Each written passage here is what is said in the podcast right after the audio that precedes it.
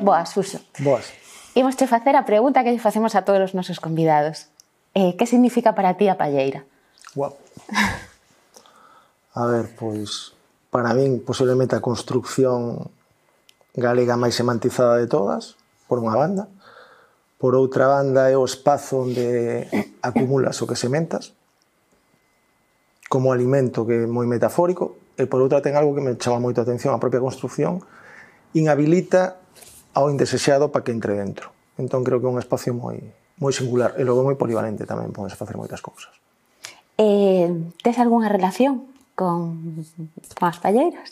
Pois sí, no meu povo había varias, de feito no centro había unha, preto da igrexa, en un camiño que facíamos cando éramos cativos, que se chama o Camiño de San Xoán, onde había un monasterio, no, creo que era no século X ou XI, ali no povo varios, e había un ali totalmente esmendrellado, sempre subíamos por aí, jabeábamos por ele e tal, era un espacio moi especial para agocharse, para meterse ali dentro. Acabas de trasladarte ao teu povo. Eu creo facer un viaxe contigo, creo, creo que nos traslademos a Rúas de Cuntis. Bueno, sen eh, que recordos te trae iso? A ver, eh, se te crías nun pobo tes algo que é moi curioso porque estás ceibo, e o concepto este de poderte mover por todas partes, incluso as abrigas como son a escola, mandados e demais, como diría a miña aboa, os faz na rúa, entonces unha relación moi especial co espazo, que a veciñanza por outra banda, positiva e negativa, porque tamén te controla todo Cristo, pero por outra banda tamén faz forneces moitos lazos, entendes tamén as escalas de, de respeto, como se fose un código así semimafioso, non? A quen hai que respetar e a quen non.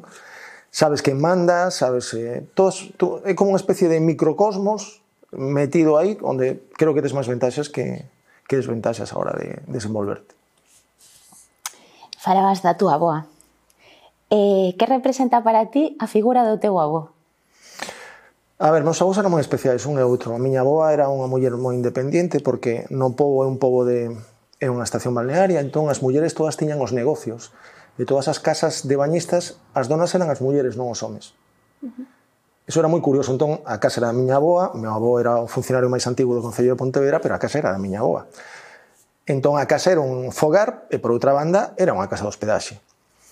Entón ti sabías que chegaba o Bran, estabas ali, eu marchaba sempre, cando estaba na casa dos meus pais, intentaba escapar para casa dos meus avós sempre, e cando estaba en Pontevedra facía o mesmo para ter máis liberdade, pero sabías que tiñas que dormir no fallado, ou compartir a habitación cos teus avós, e ter que facer unha serie de cousas. Eran dos moi distintos os dous. Mi aboa era a persona máis inteligente que coñecín nunca, a nivel emocional e a nivel intelectual. E meu avó era un tipo fácil de levar, moito máis inteligente do que aparentaba, e de moi bo trato, moi agarimosos os dous, e creo que se complementaban moi ben. A miña avó era moi, moi galega, ademais, moito, a todos os niveis. eh, cambiando de tema radicalmente, ¿Cómo de importante era a bola de cristal para ti? Bueno, para mí, que para todos, os, eu creo que para nos, para a miña quinta e eh, os que son un pouco máis novos que nós, foi un espazo de, de liberdade. Date conta que cando chegou Lolo Rico á televisión española, aquelo era, bueno, non era un páramo, pero era un semipáramo, porque xa estaba Balbinca Clave, xa estaban os programas de jazz, xa estaba... Había un sustrato cultural bastante importante, pero non había nada pensado para nenos. Era un programa que era capaz de terte casi tres horas e media, catro, clavado unha silla nunha cociña, e te erguíaste ás oito e media da mañán para ver a televisión.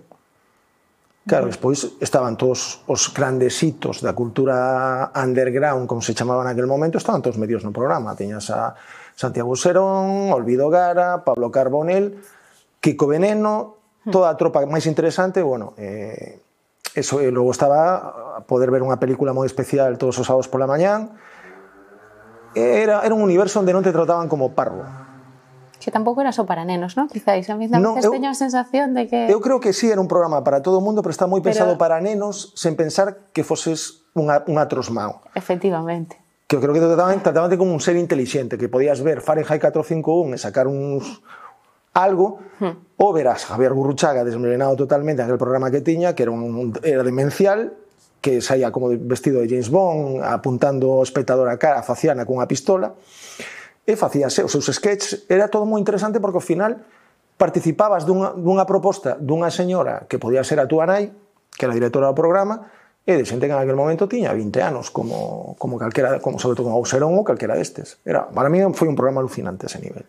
E para criarte, creo que foi capital. Se te pregunto para o profesorado de Cuntis eh, que, que supuxo para ti, como a que ver, crearte, na... crearte un pobo pequeno con profesores que podían estar máis ou menos entregados nunha ratio de profesores, como pasan sempre, sempre hai algún que che vai chamar máis atención que outro, non? Eh, os profesores de primaria e de, da SB da, do rural moitos estaban moi entregados e traballaban cun, cun sustrato bastante complexo porque, claro, date conta que principios dos anos 80 mediados dos 80 nos povos había bastantes problemas, bastantes máis dos que agora falan da complexidade do tecido social e demais, e daquela había bastante lío. Pero tivemos sorte que tíamos tres ou catro profesores, sobre todo os de humanidades, os que daban lingua inglesa, literatura e demais, que estaban moi... Mostraban moito agarimo polos rapaces, eran bastante severos, pero severos equilibrados, porque nos daban bastante caña.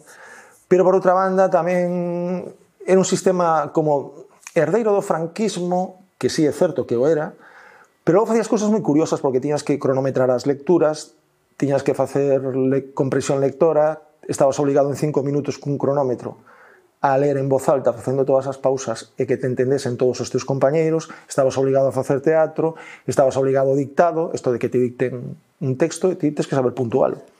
Cada falta de ortografía era entrar en ¿Sabes? Como claro, si un, ca un, un, campo de concentración, era imposible, ter faltas de ortografía, no se podía. Pero por otra banda, era muy curioso porque tiñas eso. Había xente que estaba moi implicada, que viña rebotada a outros coles.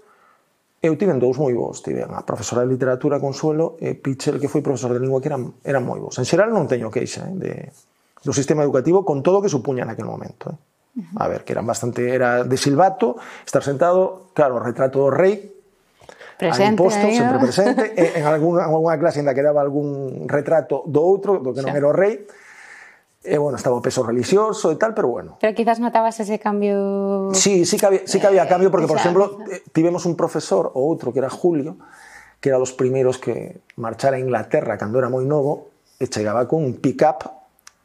Ah. eh, escoitábamos os Beatles, os Rolling, a Janis Joplin, a Leonard Cohen, Entón, sabes, había tamén, tamén unha, unha cousa, fumaba todo Dios en clase, os mestres fumaban na clase, era moi curioso, non? Era un mundo así un pouco peculiar, pero bueno, non, eu non, a verdade non, me, non, te, non teño queixa de ningún tipo a ese nivel. Vale, vamos a seguir viaxando. Eh, se nos trasladamos a Compostela, eh, como foi para ti vivir ali? Bueno, eso é, é, é, com, Compostela para mí é como a bola do pinball, non? Eres unha bola metido nun pinball, se lle das ben a bola sae, empeza a rebotar e logo vai aos, as, as palas que golpean. Se tes sorte, eu tive bastante, topei con xente moi en, de todo tipo, pero xente sobre todo moi interesada, xente con moita capacidade intelectual, e xente que tiven compañeros na facultade que eran auténticas máquinas, controlaban de todo, de todo, o sea, de música, literatura, pintura, cine, e logo podías facer moitísimas cousas. En Santiago, na miña época, Había 50 actividades para poder colgar clase, si querías colgar clase, y podías pasar o día ah, asistiendo a dos o tres conferencias sin problema ningún tipo. Foi un momento moi interesante. Santiago estaba moi vivo tamén. Eh? Agora o Tom baixou un pouco tamén por as circunstancias, pero estaba moi ben. Era unha cidade que ofrecía moitas cousas. De pago, moi barato e gratuito tamén. É como eso, son cinco anos alucinantes. E de feito mantes ao final, ao final relacións ca xente pero sí, eh, é unha cidade moi especial, moi, moi, moi especial. Para min foi, é como abrir a mente, sabes? Tes ganas de facer cousas, chegas ali e hai xente... E tes esas opcións. Sabes? claro, tes esas opcións e non te notas tan raro. Sí. Tan bicho raro, non? Que os teus colegas te teñen posta a cruz en plan guai, pero dicir, ya está este, este que as súas movidas, este non sei que, este non sei cando chegas ali e hai 400 como a ti ou peor. Sí. Eso está guai. eh, como é a tua implicación co cine eh, despois de haber Ciudadano Kane? Claro, aí, aí, é cando te das conta de que é unha construcción, non? E cando descubres o xoguete. Para mí, Ciudadano Kane revela si lle mete moita caña a película, moita xente, moitos críticos como Manny Farber a, poñen a, a, poñen a parir, non? un dos grandes críticos da historia en Estados Unidos, pero si é unha peli que descubres como un, un mecano, como se tes 40 pezas e con 40 pezas podes facer non sei cantas combinacións. E a min gustábame moito porque tiña todo o punto técnico, por unha banda, E logo o punto do xogo do demiurgo, non? Deste deus que manexa os fíos mm. e hmm. te vai levando un sitio para outro, ten gana, cando es consciente de que os flashbacks relatados o que relata non está presente físicamente e ten un grado de coñecemento altísimo, non sabes por qué, é ache igual, porque a narración te vai levando, pero creo que unha peli para mí é de descubrimento, sabes? Ten, ten ese punto de que abre a vía, unha vía das, que, das múltiples que ten o cine, pero para min é iso o constructo, o mecano, é como o lego, non? multipezas e un tipo de 25 anos xogando con elas. Como lle peta, además, que a mí o que máis me gusta a peli. Ter un fulano que dicir, no, a cámara rompo, meto un hacha aquí, revento o chan, coloco a cámara baixa, porque creo que se pode colocar, Greg Toland dille que non, el dille que sí, a discutir con todo Dios, pero ao final está feita aí, con 25 anos, é unha peli para mí moi especial. Actualmente resides en Pontevedra. Sí. Como percibes o, para, o panorama cultural, eh, Ali? A ver, Hai moito que remar ainda, eh? Moito, sí. moito que remar, pero creo que será, eh? Creo que temos moi en, en, na maior parte das ocasións non temos moi claro nin os que traballamos no medio da cultura e as administracións todo o potencial que ten. Eu creo que hai como un é moi fácil falar de cultura e largar discursos, pero ter un plan xeral e coñecer as viabilidades que ten e as posibilidades que ten a nivel social, a nivel económico a nivel laboral, creo que en Galicia estamos pouco desenvoltos ese nivel. Creo que hai que mirar máis para Portugal e empezar a, a poñernos un pouco as pilas. Logo, por outra banda, ten o, o problema da cultura en Galicia que está demasiado institucionalizada desde o meu punto de vista. Quizáis eh, oprime un pouco perdón, eh? a, a creatividade do, do, do artista, non sei, non sei se, digo, tanto, porque, se tanto é iso ¿sabes? como que entregamos a plaza antes de pelexear. Creo que o que sucede é que a administración, as administracións en xeral, non todas, eh? eu en Pontevedra de feito non me queixo, pero creo que falta faltan máis cousas, é que a administración ten moi claro que é a chave de prácticamente os procesos de desenvolvemento. Hmm. É chave porque tampouco temos un, un tampouco temos implementados como outros países os sistemas de, de mecenazgo, os sistemas de patrocinio, e moito menos, para mí o máis preocupante de todo, o, o concepto de que traballar no eido cultural sen que te vexan os demais como se foses un, non sei, é que non sei como definilo porque... Sí, como se non tiveras unha profesión tradicional. Non? Se non é unha profesión tradicional, se non é porque te gusta. A frase é, como xa. a ti te gusta, eso cho din nas reunións da xunta, eh? Un suxeito que cobra 60.000 euros ao mes ten a desfachate de decirche iso. Entón, claro, dicir, vale, pero un panadeiro non lle digo porque a ti te gusta, ou un mecánico, e a mellor, encanta, lle, pero está totalmente sancionado socialmente como profesional. Mm. Sen embargo, no eido da cultura pff, é un, non está ni recoñecido por Facenda, en primeiro lugar, no, ou eres artista ou torero, sí. non hai programadores culturais, non hai programadores cinematográficos, bueno, é un, é un del, é delirante, non? a ese nivel. E por outra banda o reconhecimento social, a mí, eu creo que se preguntan a miña nai a que me dedico, podría decir, hace estas cosas, ou fai estas cousas, sabes? Mm. Pero costaríalle moito entender a que se dedica o seu fillo ou moita outra xente. Mm. Porque non, non temos ese recoñecemento social. O sea, e non que che, non é que che poñen unha medalla, eh? non estou falando disso. Entón creo que a administración tampouco comprende, e non sei se ten intención de comprender, e moitas veces A ver, os que gobernan teñen un problema moi gordo. Ah, neste caso, que ellos un San Benito en riba descomunal, en outros casos tamén están como moi superados para poder desenvolver ou entender as propostas porque creo que faltan figuras intermedias de mediación, no, no non solo só soltar sí, os non cartos. que aí está, claro. que non é un problema só de, de investimento a nivel orzamentario ou a nivel material, ¿no? É entender a proposta e saber que a cultura ten, ten unha función social. Eso moitas veces non sei, É complicado. É complicado, ¿eh? é moi complicado. Mira, eh, cando falábamos de, de Pontevedra, eh, ti chegaches a, conver, a converter a cidade eh, nunha xincana polo cine. Contanos como foi todo ese proceso. Ah, o de, o de cinema clandestino. Eso, sí.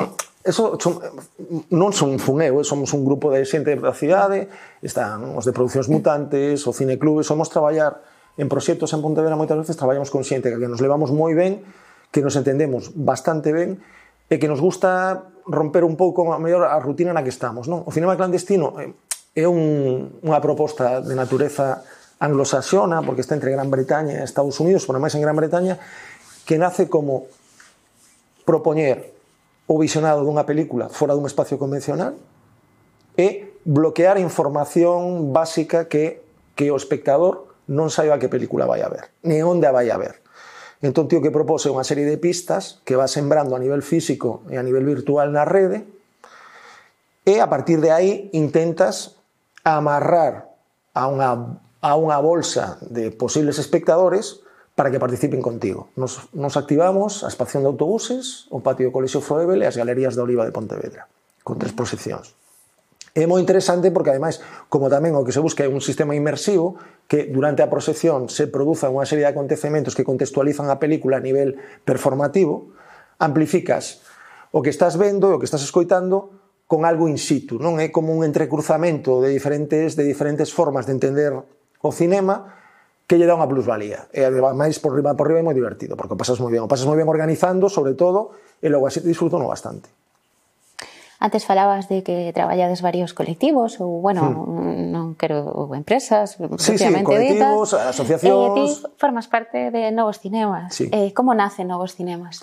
Pois pues, Novos Cinemas foi como moi casual tamén, porque foi unha cuestión de que eu tiña unha idea dun cine, un festival de cinema, Ángel Santos tamén estaba matinando que se podía facer en Pontevedra e Dani Freud tamén tiña unha, estaba aí tamén dándolle voltas. Ao final, casualmente, entre unhas cousas e outras coincidimos, E dixemos, bueno, pues, se facemos un festival, creo, eu tiña, eu a idea tiña moi clara que para facer un festival tiña que ser un festival que non colisionase co resto dos festivais e os complementase, non? O sea, un festival é un, é unha especie, como dirían os, os americanos, un melting pot, é un punto de encontro, e se o queres levar a Europa é unha agora, é unha praza pública onde te tens que encontrar, non? Entón había que facer algo que complementase os demais, e que te deixas o suficiente marxe de maniobra para que ti estiveses cómodo traballando e creendo no que estás facendo, que é moi importante. Entón, tiramos polo que tamén na cidade ten moito peso, que unha parte moi orientada ao talento emerxente, non? Como é a Escola de Kiko da Silva, como é o Seminario Permanente de Jazz, en no eido educativo como pode ser a Escola de Restauración.